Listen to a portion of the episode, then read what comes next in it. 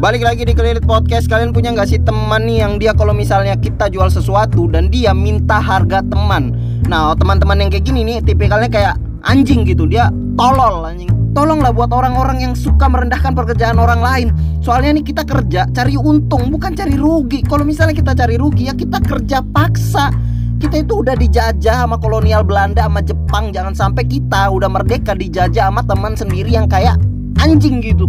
Kontol pokoknya Soalnya beberapa minggu kemarin ada temanku yang dia itu udah lama gak ketemu Terus tiba-tiba nge-DM di Instagram dan dia minta dieditin videonya Dengan meminta harga teman.